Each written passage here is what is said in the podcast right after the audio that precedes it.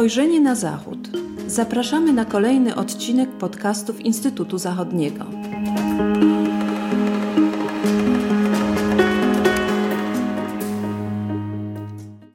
Dzień dobry Państwu. Witam w kolejnym podcaście Instytutu Zachodniego.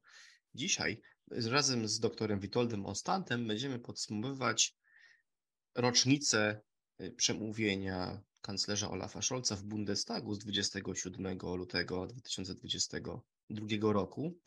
Było to słynne przemówienie dotyczące Zeitenwende, czyli epokowej zmiany.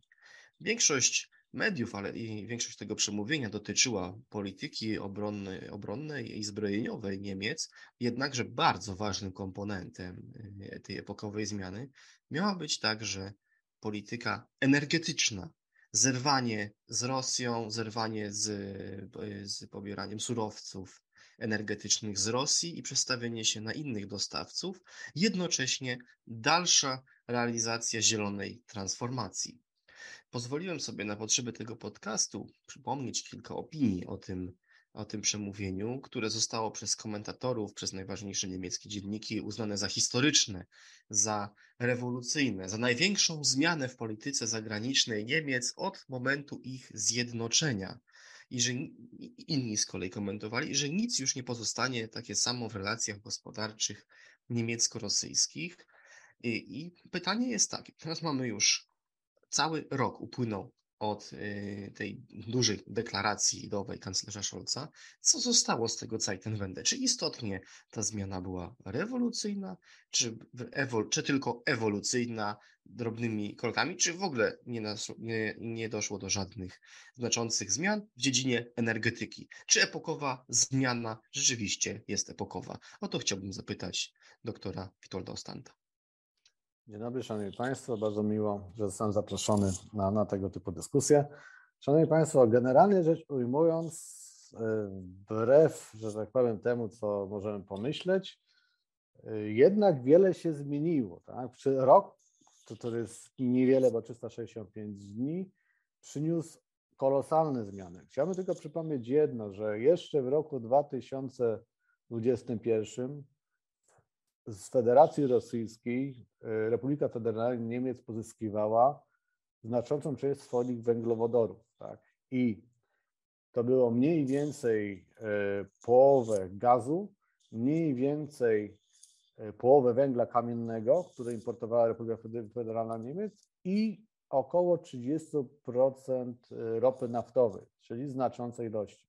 Wszelkie perspektywy projektowane przez władze niemieckie na najbliższe 20 lat wskazywały, że te wolumeny będą powiększane, no bo Rosja była najbardziej stabilnym, wiarygodnym dla Niemiec przez długie lata partnerem gospodarczym w dziedzinie surowców energetycznych. Tak? To rosyjski yy, gaz miała dalej jako chlub gazowy Republika Federalna Niemiec eksportować do innych państw yy, europejskich, Unii Europejskiej. To dzięki tanim, relatywnie tanim e, surowców węglowodorowym z Rosji, gospodarka niemiecka miała być bardziej konkurencyjna niż ościenne gospodarki i utrzymywać konkurencyjne przewagi na rynkach światowych. Więc to, co się stało, ten konflikt na Ukrainie, e, był prawdziwym szokiem i w zasadzie może dla nas to wydaje się dość dziwne, jeszcze w wystąpieniach z stycznia 2022 roku wicekanclerza Hebeka nic nie wskazywało na to, że te zmiany nastąpią, które później zapowiedział kanclerz Scholz. To było jakby to było zupełnie, jakby prześledzą, jakbyśmy prześledzili wystąpienie e, ministra, e, ministra Habeka, okazuje się, że zupełnie nie brano pod uwagę tego, co nastąpiło nie, no, prawie miesiąc później. I biorąc pod uwagę z perspektywy roku, Niemcy raz zapowiedziały i skutecznie odchodzą od pozyskiwania dalszego węglowodorów z Rosji. E, zaczęły rozbudowywać długo powstrzymywane wcześniej inwestycje związane na przykład z gazoportami. Tak? To, to, był, to, to, to jest jakby przełomowa, przełomowa sytuacja. E, zaczęto również stosować różnego rodzaju ulgi dla społeczeństwa, dotacje rządowe. Wprowadzono relatywnie dobrze działające mechanizmy stabilizacyjne cen energii węglowodorów. I również to też dość może dziwić, bo, bo ten temat przez lata był poruszany. Jeśli chodzi o dopłaty o, o EGG, czyli na transformację energetyczną, one zostały, że powiem, przydzielone dzisiaj siłą, środkom budżetu, budżetu federalnego. Tak? Więc to są, to są olbrzymie zmiany, które prawdopodobnie bez tych tragicznych wydarzeń, do, które mają miejsce na Ukrainie, nie mogłyby się zdarzyć. Tak? I co ciekawe, Niemcy nie zrezygnowały z tempa wdrażania transformacji energetycznej, a wręcz przeciwnie, krótko mówiąc, przyspieszyły wszelkie możliwe prace na różnych, e, na różnych etapach i w różnych obszarach rewolucji, rewolucji czy, czy, czy transformacji zielonej w swojej gospodarce i determinacja, którą, o której można przeczytać w różnego rodzaju zapowiedziach e, władz federalnych, ona wydaje się znacznie większa do dążeniu do tych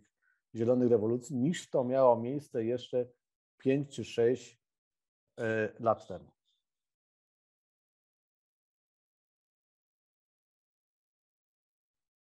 Czy wobec tego możemy uznać, że istotnie doszło do takiej rewolucyjnej zmiany? Ja dobrze pamiętam jeszcze w styczniu 2022 roku rozmowę z prezesem e, Markusem Kreberem, prezesem RWL, jednego z największych koncernów energetycznych w Niemczech, który mówił o tym, że nie jest w stanie zbudować e, terminali gazu LNG, pomimo tego, że byłoby to korzystne z punktu biznesowego dla jego koncernu, tylko blokował go czynnik polityczny. On tego oczywiście nie, nie, nie, nie nazywał konkretnych polityków, tylko ogółem w stronę klasy politycznej te oskarżenia wysuwał.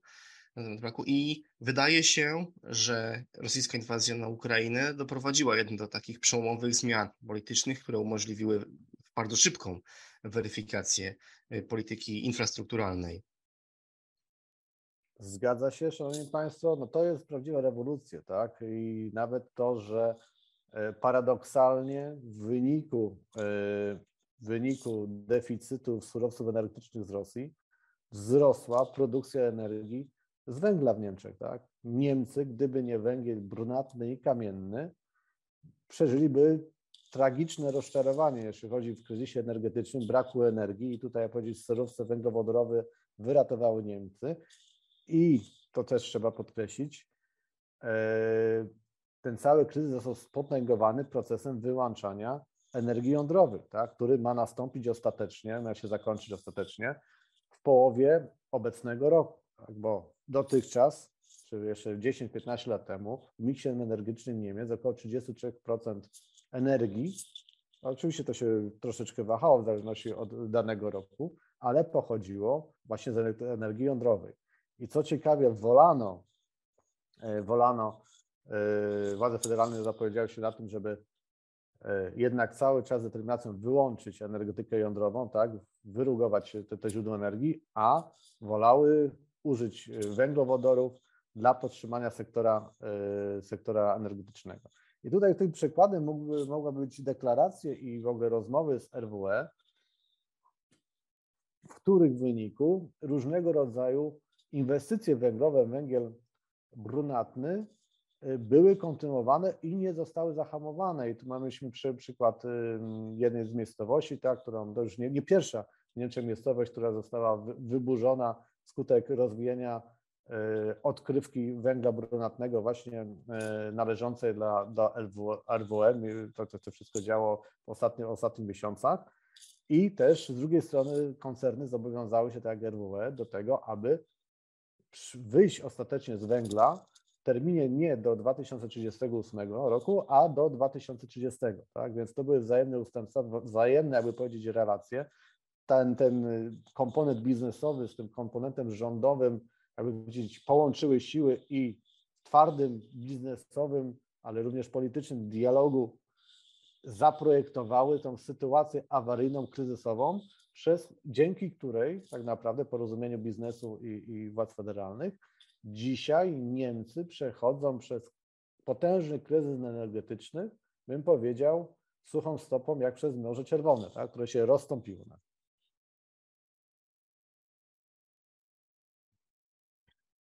Chciałbym zapytać o rolę zielonych. To, co mnie bardzo uderzyło, kiedy y, czytałem te pierwsze komentarze na gorąco pisane zaraz po ogłoszeniu epokowej zmiany, było to, że komentatorzy dość zgodnie uznali, że największym hamulcowym tych zmian będzie partia zielonych.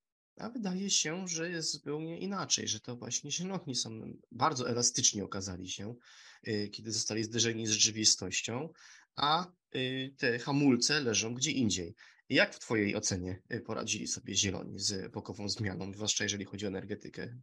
No tu by trzeba podkreślić taki troszeczkę dualizm, jeśli chodzi o stanowisko zielonych, bo mamy tam frakcje, tak, bardziej ultrazielone i mniej ultrazielone. I to mniej ultrazieloną frakcją, czy identyfikowane z, taką, z takim podejściem bardziej liberalnym, tak, w ekologicznej polityce jest właśnie wicekanclerz Habeck i tutaj on urósł do rangi tego niemieckiego w cudzysłowie Kennedy'ego, który pomógł przetrwać yy, energetyce niemieckiej ten kryzysowy czas, czy pomaga przetrwać dość skutecznie.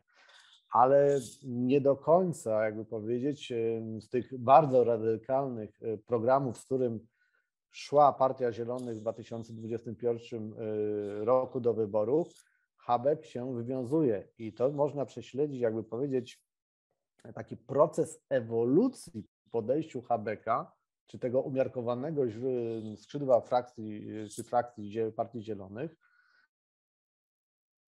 e, do energetyki i, i powiedzmy do mm, e, próby e, animacji w ten sposób transformacji, aby nie straciła gospodarka niemiecka, na przykładzie jego planów. Pierwszy plan z roku 2022 ze stycznia bardzo mocno podkreślał więc, więc nakaz moralny, etyczny czy, czy polityczny przyspieszenia energetyczne w wdrażaniu yy, na zasadach quasi-liberalnych rewolucji zielonej, tak? I tutaj jakby powiedzieć i ekspansja yy, źródeł odnawialnych, szczególnie wiatraków, fotowoltaiki, uwalnianie, jakby powiedzieć, dodatkowych pieniędzy na rynek, tak, impulsowe działanie, jeśli chodzi o różnego rodzaju dotacje i zachęty dla biznesu, tak, tworzenie zielonych sektorów, e, różnego rodzaju e, koncepcji, które, które by powodowały, że ten, ten wodór, tak, wyczekiwane e, paliwo obecnego stulecia, tak, żeby on jak najszybciej został przez Niemcy pozyskany, zagospodarowany i stworzenie nowych łańcuchów dostaw i tak dalej, i tak dalej. Ale i tak wyglądał pierwszy styczniowy z 2020 roku plan Habeka już zupełnie w innym tonie minister Habeck przedstawiał kolejną wersję zmodyfikowanej swoje, swojego planu, żebyśmy powiedzieli, y, modyfikacji pewnej koncepcji y, politycznej, gospodarczej y, w styczniu 2023 roku. I tu możemy zauważyć, że tak jak pierwszy plan był bardziej taki zielono-liberalny, drugi jest bardziej idzie w stronę, owszem, on jest nadal zielony, ale bardziej merkantylistyczny, co, co można by było powiedzmy nie przypisywać akurat ugrupowaniu, e, ugrupowaniem, e, ugrupowaniem zielonym. Tak? I tu można zauważyć, że już te akcenty bardziej są przekierowane na europejskie ceny energii elektrycznej, ograniczenie kosztów energii odnawialnej e, i różnego rodzaju oczywiście przyspieszenia, ale z uwzględnieniem bardziej racjonalnych kosztów dla społeczeństwa tego przyspieszenia i poważnego akcentu, że jednak rewolucja tak, ale ona nie może zagrażać w żaden sposób zabezpieczeniu dostaw energii.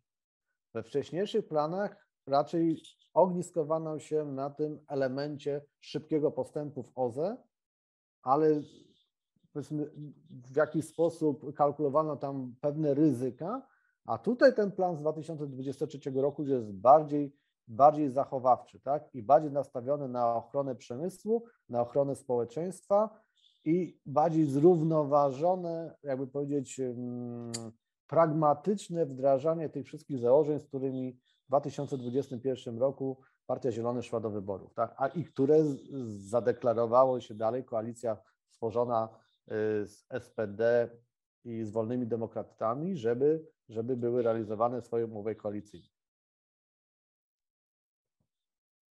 Powoli zmierzając do końca naszej rozmowy, chciałbym jeszcze zapytać o taki szerszy kontekst y, strategicznej y, czy polityki Niemiec dotyczącej energetyki. Czy w istocie ta epokowa zmiana Zeitenwende rzeczywiście jest taką zmianą w polityce energetycznej, ponieważ ja odnoszę wrażenie, że jednak nie, że tutaj niewiele się zmieniło, wręcz następuje intensyfikacja lub przyspieszenie. Co więcej, nie, Niemcy chyba wydają się nie rezygnować z gazu jako najważniejszego takiego przejściowego źródła energii y, dla swojej transformacji, y, zielonej transformacji energetycznej, pomimo tego, że stracili dostawcę, który doprowadzał ponad połowę y, gazu i na tym opierała się ta cała myśl strategiczno-energetyczna. Czy dokonano do jakiejś weryfikacji, czy jednak Niemcy kontynuują dalej swój projekt transformacji energetycznej i żadnej, o żadnej epokowej zmianie w tym względzie nie ma mowy? Znaczy, epokowa zmiana to może w tym kontekście bym to rozumiał, że to jest epokowe przyspieszenie, bo widzimy, że mieli do wyboru albo się cofnąć w planie zmiany, powiedzmy, całej filozofii państwa i zmiany tej transformacji energetycznej, zatrzymania tej transformacji, albo pójść do przodu. I oni wybrali pójście do przodu, co im się zbilansuje w przyszłości, aczkolwiek koszty, bo już dzisiaj nikt nie mówi o kosztach energii węgla, tak? bo jednak zmiana y, dostawców ropy, gazu i węgla tak? z relatywnie tanich, y, tanich surowców, które pozyskiwano y, z Federacji Rosyjskiej na innych globalnych partnerów spowodowało pogorszenie, bym powiedział, pewnego bilansu finansowego tej transformacji i zakładanych zysków w określonym czasie, ale nie zmieniło niemieckiej, niemieckiej filozofii. Tutaj przyspieszenie jest nadal, nadal stosowane i, i powiedzmy charakteryzuje i pierwszy, i drugi plan e, Habecka, pomimo, że ten drugi był bardziej zachowawczy i bardziej osłonowy dla społeczeństwa niemieckiego i dla niemieckiego biznesu. I co e, warto również podkreślić, Niemcy będą bardziej zdeterminowane, aby swoje pomysły e, szybkiej modernizacji i przejścia na alternatywne źródła energii też również podpinać czy animować na bazie czy na forum Unii Europejskiej, co może dla nas być relatywnie niekorzystne, bo ten skróci nam się okres adaptacji przystosowania polskiej energetyki do wymogów unijnych, do trendów związanych z Zielonym Ładem. I co, co też jest ważne podkreślić, że zobaczymy, jak będzie, co pokazuje przyszłość, jak się będzie rozwijał konflikt na Ukrainie, czy będzie eskalował, czy też nie, kiedy się zakończy, bo tutaj wielkie są znaki zapytania. Ale być może ten gaz, jako tak zwany gaz ziemi, tą, tą powiedzmy paliwo E, będące takim paliwem przejściowym będzie szybciej zastąpione wodorem niż wcześniej, jeszcze w strategii z 2020 roku, e, że tak powiem, planowano, aczkolwiek koszty tej transformacji, tej, tej zmiany tego paliwa przejściowego na, ostatecznie na wodór będą większe. I to jest właśnie problem, że na ile gospodarka czy społeczeństwo niemieckie w ramach wdrażania, powiedzmy za 3-4 lata, pewnych zmian, będzie dalej tak bardzo optymistycznie jak do tej pory, jeśli chodzi o koszty wzrastające energii i generalnie y, bym powiedział, występowanie coraz większych obszarów pauperyzacji energetycznej, tak? no bo jednak część Niemców, tam już kilka milionów, ma problemy z regulowaniem obecnej sytuacji E, samodzielnie rachunków za energię elektryczną. Pytanie, czy tutaj te, te, te powiedzmy ci mniej zadowoleni z owoców transformacji energetycznej Niemcy dalej będą tą transformację opierać w takim zakresie, w takim tempie, jak projektuje to, jak projektują władze federalne i szczególnie Partia Zielonych. Tak? Jakie będą dalsze losy Partii Zielonych, jeżeli ta transformacja okaże się nawet jak na Niemcy zbyt kosztowna, bo owszem, Niemcy potrafią zmobilizować olbrzymi kapitał i dowodnili to E, jednym planem e, ratunkowym, ostatnim planem ratunkowym dla gospodarki, tak, tego funduszu transformacji na 200, zielonej transformacji na 200 miliardów euro, kolejnym wielką transzą dla Bundeswehry na, na rozwój armii około 100 miliardów euro, to są olbrzymie kwoty, ale mimo tego, że w tej chwili budżet jest zrównoważony, no, muszą podejmować Niemcy e, wyzwania i brać pod uwagę różnego rodzaju rozwój funduszy celowych, które jednak per saldo mogą przynieść pożądane efekty i wzrost gospodarczy w Niemczech i jakby powiedzieć za, zarobić na siebie, tak, inwestując w przyszłość, ale z drugiej strony zawsze jest pewne ryzyko, bo jeżeli ta wojna na Ukrainie potoczy się w jakimś bardzo niekorzystnym e, aspekcie dla, dla Europy, dla Niemiec, tak, dla tej Europy środkowej, tak, bo Niemcy to część Europy środkowej, tak jak, tak jak Polska, tak jak Czechy, tak jak Słowacja, tak jak Austria, no to pytanie, na ile te plany będą realizowalne, biorąc pod uwagę nakłady, które Republika Federalna e, ponosi. I to jest moim zdaniem takie główne główne pytanie, główna niepewność, czy to po prostu, e, czy ten tempo realizacji ma sens pod względem przeznaczonych na nie nakładów, czy one się zamortyzują, tak? Czy to będzie największy sukces e, w historii nowożytnej Niemiec, tak? Budowy nowego wizerunku, nowego państwa niemieckiego, globalnego, tak? Z pomysłem na rzeczywistość, na świat, o globalnym zasięgach różnego rodzaju łańcuchów i w gospodarce, i w energetyce, tak, z dominującą rolą Niemiec na rynku, nowym rynku wodorowym, tak, tutaj w rywalizacji z Chinami. Czy to się też powiedzie, czy też niestety skończy się, że tak powiem, wielkim zadłużeniem Niemiec, kryzysem e, społecznym, ekonomicznym, który no niestety to, co się złego dzieje w Niemczech, prędzej czy później, ale nawet prędzej, również promieniuje ta, ta, ta zła energia na państwa ościenne, również Polskę. A jeżeli Niemcom się dobrze wiedzie, to też jesteśmy w stanie skorzystać z ich, że tak powiem, zdobyczy dobrobytu. Bardzo dziękuję. E, gościem dzisiejszego podcastu Instytutu Zachodniego był dr Witold Ostand. Ja z mojej strony chciałbym zaprosić do odsłuchania także innych kolejnych podcastów, nie tylko tych podsumowujących epokową zmianę i Zeitenwende, ale także następnych interesujących tematów. Bardzo dziękuję. Dziękuję Państwu, kłaniam się nisko.